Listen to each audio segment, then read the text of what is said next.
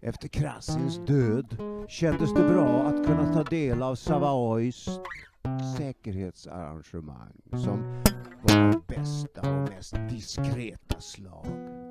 En mycket oattraktiv katt vid namn Kaspar vakade över oss i form av en stor skulptur. Det var antagligen något egyptiskt över denna katt. Ett heligt djur. En frimurarsymbol. Det var många gånger med i denna djupa känsla av säkerhet som jag blev informerad om vad engelsmännen hade för planer via Montagu. Inte minst om vad man ansåg om dem ute i den vida världen. Det var ju inte alltid lika populärt att komma med en bister sanning här inte. Men eh, kloka dekonstruktörer av det engelska imperiet ville ju rädda det som räddas kunde och ansåg att realism var bättre än idealism när det gällde denna mission. Bartendern Harry Craddock serverade oss en bricka dry martinis vid rökbordet. Bastet, The Devouring Lady, fick sedan den trettonde platsen vid vårt matsalsbord. Men hennes bestick låg silverglänsande och oanvända efter middagen. Kronprinsen av Sverige och särskilt kungen själv öppnade också dörrarna till det inre och det inte alltid så hovliga sällskapet som med överraskande åldriga ritualer bjöd förbjuden frukt och bisarr frihet. The Crowns dörrar på rätt sida av Themsen öppnades sannerligen inte för vem som helst. Där tog sig ättlingar till de lådor som en gång gett Morgan guvernörskapet på Jamaica. De engelsmän som storligen förmerade sina förmögenheter på imperiets sammanbrott, en whisky och via guldets gamla makt höll de tillsammans ordning på de ekonomiska banden till de gamla kolonierna. Både i Indien och i Sydafrika avtog den engelska andan och sådana som Mahatma Gandhi gjorde i bästa, gjorde sitt bästa för att på bägge håll övertyga om att engelsmännen betedde sig betydligt sämre än vad de försökte övertyga världen om. Vad som alltid fanns kvar, även efter saltmarschen 30, var de inhemska sällskapen som livnär sig på de engelska investeringarna. De var alltid primärt intresserade av sin egen välfärd. Och även om folkmajoriteten ville ha ut engelsmännen och också fick ut dem, finns dessa sällskap kvar. Ofta i den ekonomiska gråzon som bygger på urgamla privatrelationer mellan olika dynastier. Jag fick detaljerade rapporter om hur det där var uppbyggt och gjorde mina egna högst personliga studier. Den analys som delade upp världen i några få klasser var lika otymplig för mig som en jaktkniv för en kirurg. Om man inte lämnade en skulptör vass, skalpellvass gåva hos sultanen eller maharadjan i exakt rätt ögonblick spelade det nästan ingen roll om han så kom en guldpokal av Cellini i sin utsträckta hand. Religionen gjorde helt andra praktiska värderingar än den ekonomiska vetenskapen gjorde. Och de kulturella riterna var lika elaborerade ute i det engelska imperiets periferier som de var centralt.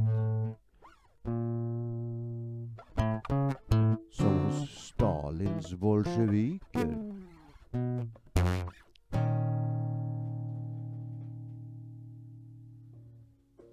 Vad betydde väl ekonomiska fakta? Eller grundlagar för en fanatisk bolsjevik? Vad brydde de? Brydde de sig om hur växlar och guld flöt mellan London och Stockholm? De ville bara se till att politiska betalningar länder emellan mer och mer skedde utan rationell grund. Annat än den grund att det finns folk som låter sig mutas. Inte genom bara plumpa försträckningar av sedlar utan möjligheter att göra osunt goda affärer på katastrofal utveckling av ekonomin.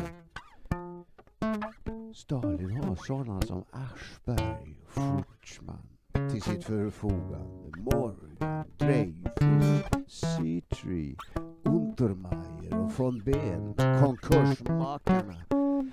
De politiska betalningarna hade fått en verkligt ny och sinister vridning med bolsjevik-guld i plötsliga utsläpp på världsmarknaden.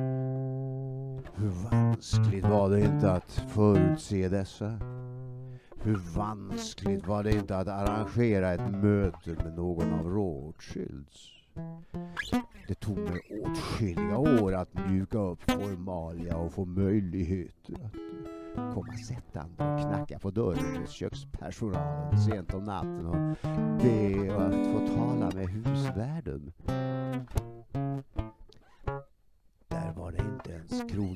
Kronprinsar som nämndes knacka. Men jag kunde glatt komma och stanna en stund och dricka en kopp kaffe med mjölk med köksan och vänta till dess att det rasslade till i kraschanerna och baronliga eminensen själv emitterade sig in i sitt kök. De tyckte om min svenska enkelhet och kunde stiga förbi all onödig tidsspillan och hastigt möta mig i sin egen periferi. Vi växlade några ord, bytte några idéer och ritningar. Rekonstruktion, trots allt.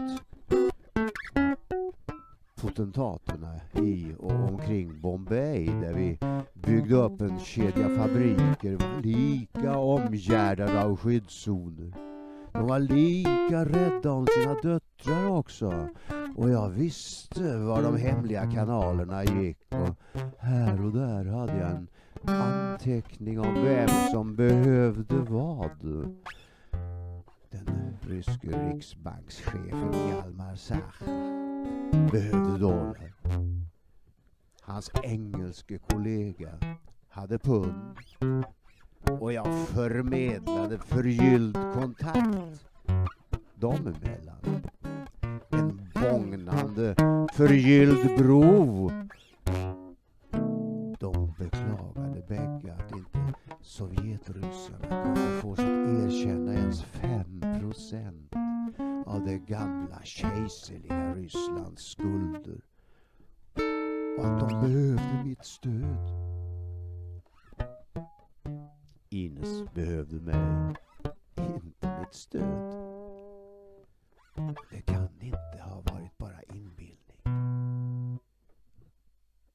Ibland är jag rädd att jag, eller snarare mina presenter, har haft för stor inverkan på min omgivning för att jag ska våga tro att man ser mig och inte mina presenter.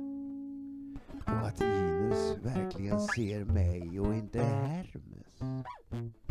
Ja, några rädslor där igen faktiskt. Förutom vingarna på fötterna försöker jag få henne att skrapa bort allt av dollargrynet också. Jag försöker att visa henne en sjöman från Kalmar som varit i både Helsinki och Vasa och som orkar genomföra sina seglatser och hissa storseglet. Och kommer ung ner från... Ja, det tycks... Oh,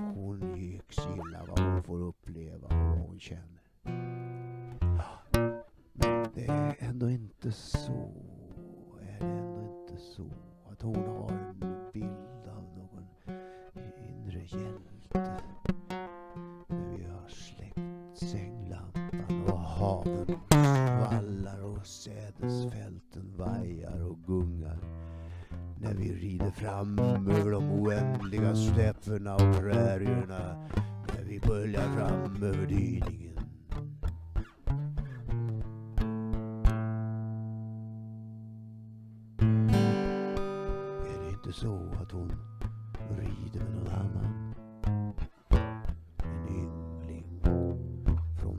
Annan del av världen eller någon annan tid? Ines, viskar jag då. Är det sant att du tycker om mig? Och hon svarar. Ja, Ivar. Jag tycker om dig. Mer än jag kan säga. Bara mig.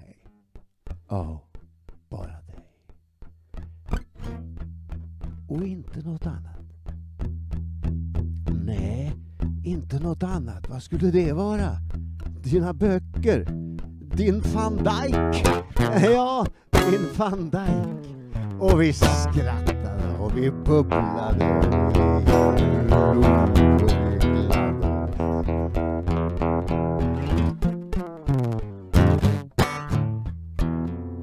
Make the world safe for democracy. Det var i den civiliserade friheten vi utvecklades därhän att vi nästan lyckades lägga om den sovjetiska ekonomiska politiken. Nästan. Vi kom hårfint nära. En enda man stod i vägen.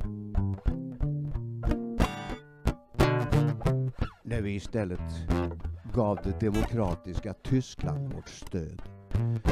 Den av alla krigshetsar föraktade Weimarrepubliken stod en annan man redo att försöka sätta stopp. De tur kanske irriterades över att våra kontrakt alltid var inriktade på att skydda motparten i en affärsöverenskommelse och att våra juridiska klammerier därmed var lönsamt minimerade.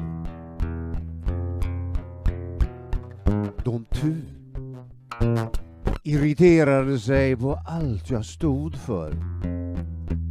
Den totala internationalitet som vår koncern uppnått eh, gjorde att det var möjligt att dirigera kapitalströmmarna där de minskade minst till slutmålet.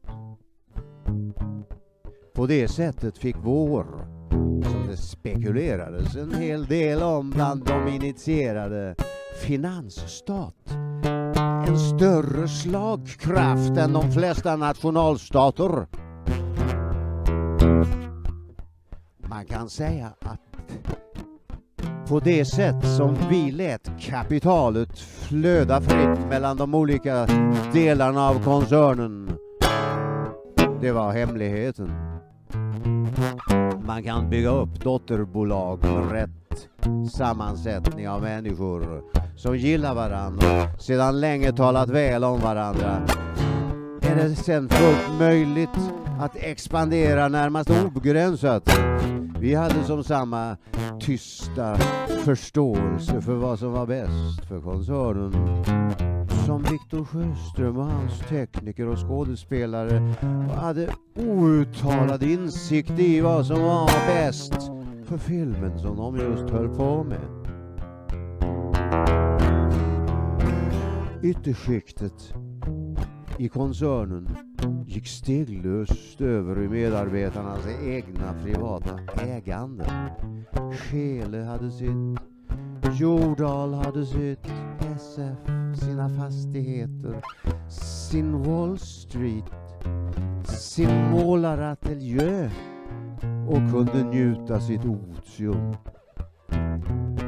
Tolv steg in i en eterisk värld och och räknade bättre än de flesta och överraskade mig alltid med nya siffror, fina siffror och höll verkligen en lika låg profil som hans anfader hade profilerat sig som fältmarskalk och slottsherre. Han var en stor konstsamlare och var Evert Taubes mecenat. Han spelade ju ibland samman med Evert som trakterade sin luta och han sitt mångradiga dragspel. Tolv var min närmaste granne och bäste vän och samarbetspartner från första början i Stockholm. Billing kom och gick. Hinse var alltid lika elegant. Lange, huld och bluft och blid. Hult stolt. Schönmeier, tadelfri. Svågrarna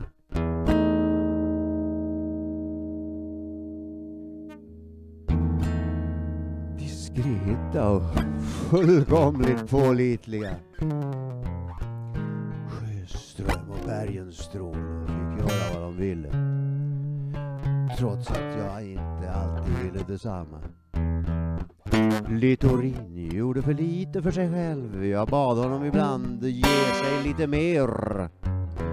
Jag är nöjd, Ivar. Jag har världens bästa jobb. Jag är en lycklig man. Jag behöver inte mer. Levenhaut sa något liknande och ställde upp sina tjänster med sina tjänster utan att skriva några fakturor. Ättlingarna till kalmariterna Fröberg, von Sydow, Hultén, Kallerström, Sjöstedt, Fornander, Rydberg, Brun, Kinberg, Jakobsson, Korseman, Gallenberg, Kinnecke, Lovén, Merlin, Schalien, Wimmerstedt, Grandin, Kramer, Britt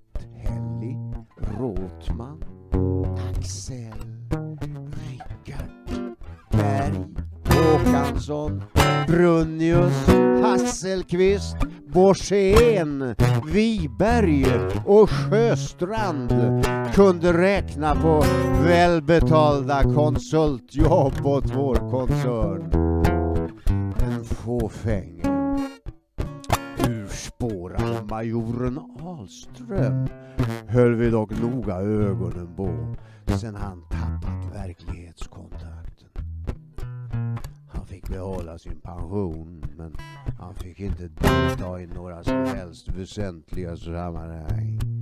Han fick rassla omkring med sina påhäng hur han ville. Vi gav honom absolut fanen. Skämdes å hans vägnar. Ernst Hoffman konsättande från Turkiet med en Fiska i högsta hugg. Tydligt urspårad även han. Allt för mycket med Credit Lyon hade han att göra. Och frisk.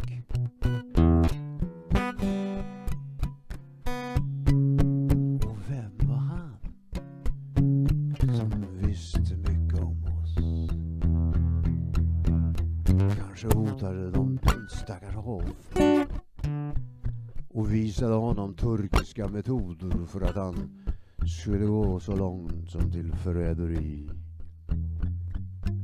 Metoderna längs Bosporen och Dardanellerna är av lite annan art än metoderna i norra Europa vid den här tiden.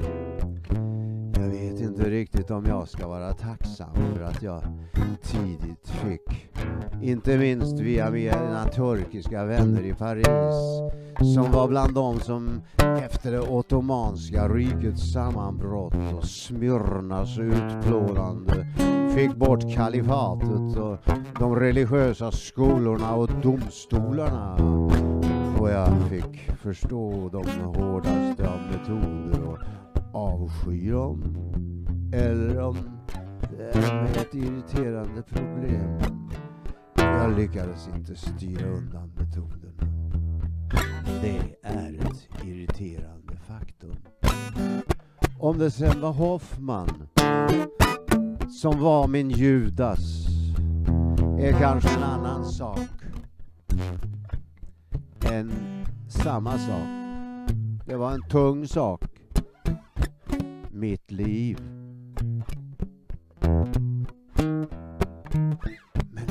Livet lekte och det gick som bäst var gränsen mellan koncernen och de olika privatföretagen flytande och utgjordes av det förtroende vi hade som vänner och partners. Det gav mm, en förmåga till improvisationer och rationellt spel på börsen.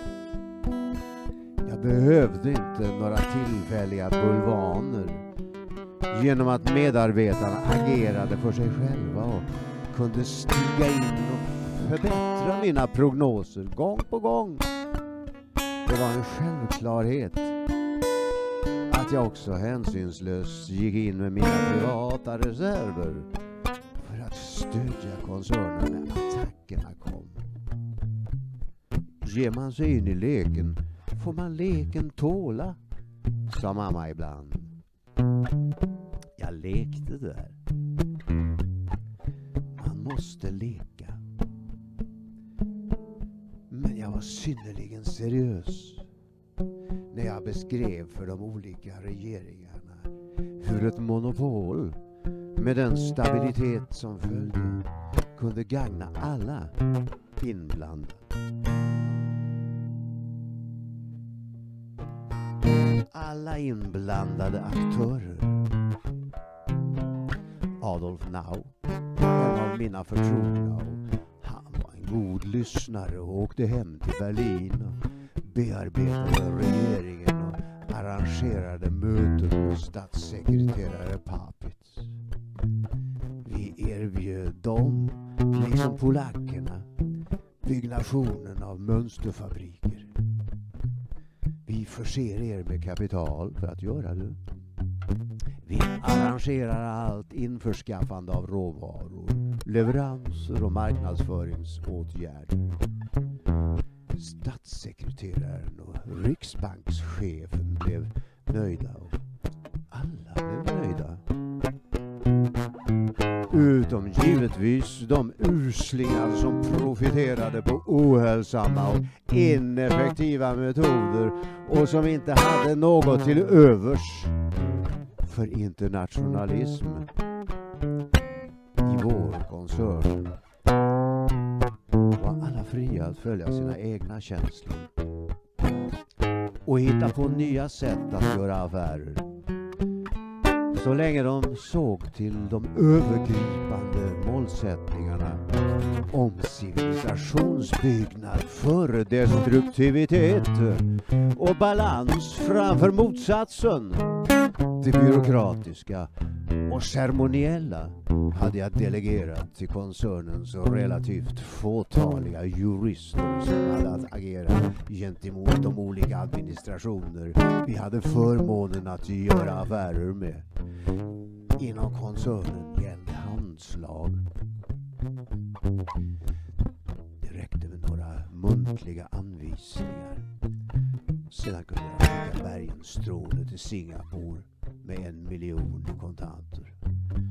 Min medarbetare sa att jag behandlade dem som vandrande kassaskåp. Jag visste ju att om man gav människor ansvar så växer de. Viktigast viktigaste av allt för att få saker gjorda var att den personliga vinsten skulle vara möjlig att göra. De skulle kunna känna sig att de själva kunde bli rika och att inte bara företaget kunde bli rikt. Det frigjorde oerhörda resurser och de hade med sig personligheten till jobbet och var helt sig själva och borta inför möjligheten att på kort tid skaffa rejäla bonus. För mycket tid vann man inte på att direkt ta upp kontanta medel när en uppfinnare kom med en god idé. Ett omedelbart stöd kunde få honom att gå i taket av glädje och producera ytterligare genialiteter av bara farten. SFs ateljéer blev det full rulle den där saliga sommaren 1918. Julius Jansson, mästerfotografen och teknikerna i Råsunda kunde med ens göra konstnärliga dubbelexponeringar och de kunde skaffa de nyaste kamerorna och redigeringsapparaterna och Viktor Sjöström full av idéer. Det tekniska var vitsen den att jag kunde bedöma och förstå olika uppfinningars potential. Där hade jag min styrka. Jag kunde avgöra om det var hugskott eller substantiella idéer som var i omlopp. Det fanns en äkthet i uttrycket när det var frågan om bärkraftig teknik. När filmteknikerna och optikerna hade förklarat sitt tvekade jag inte att eh, lätta på lädret. Hur det nu än är med guld och makt och världens gång är det alltid så att där det finns lysande idéer för att eh, göra det möjligt att lösa de tyngsta problem så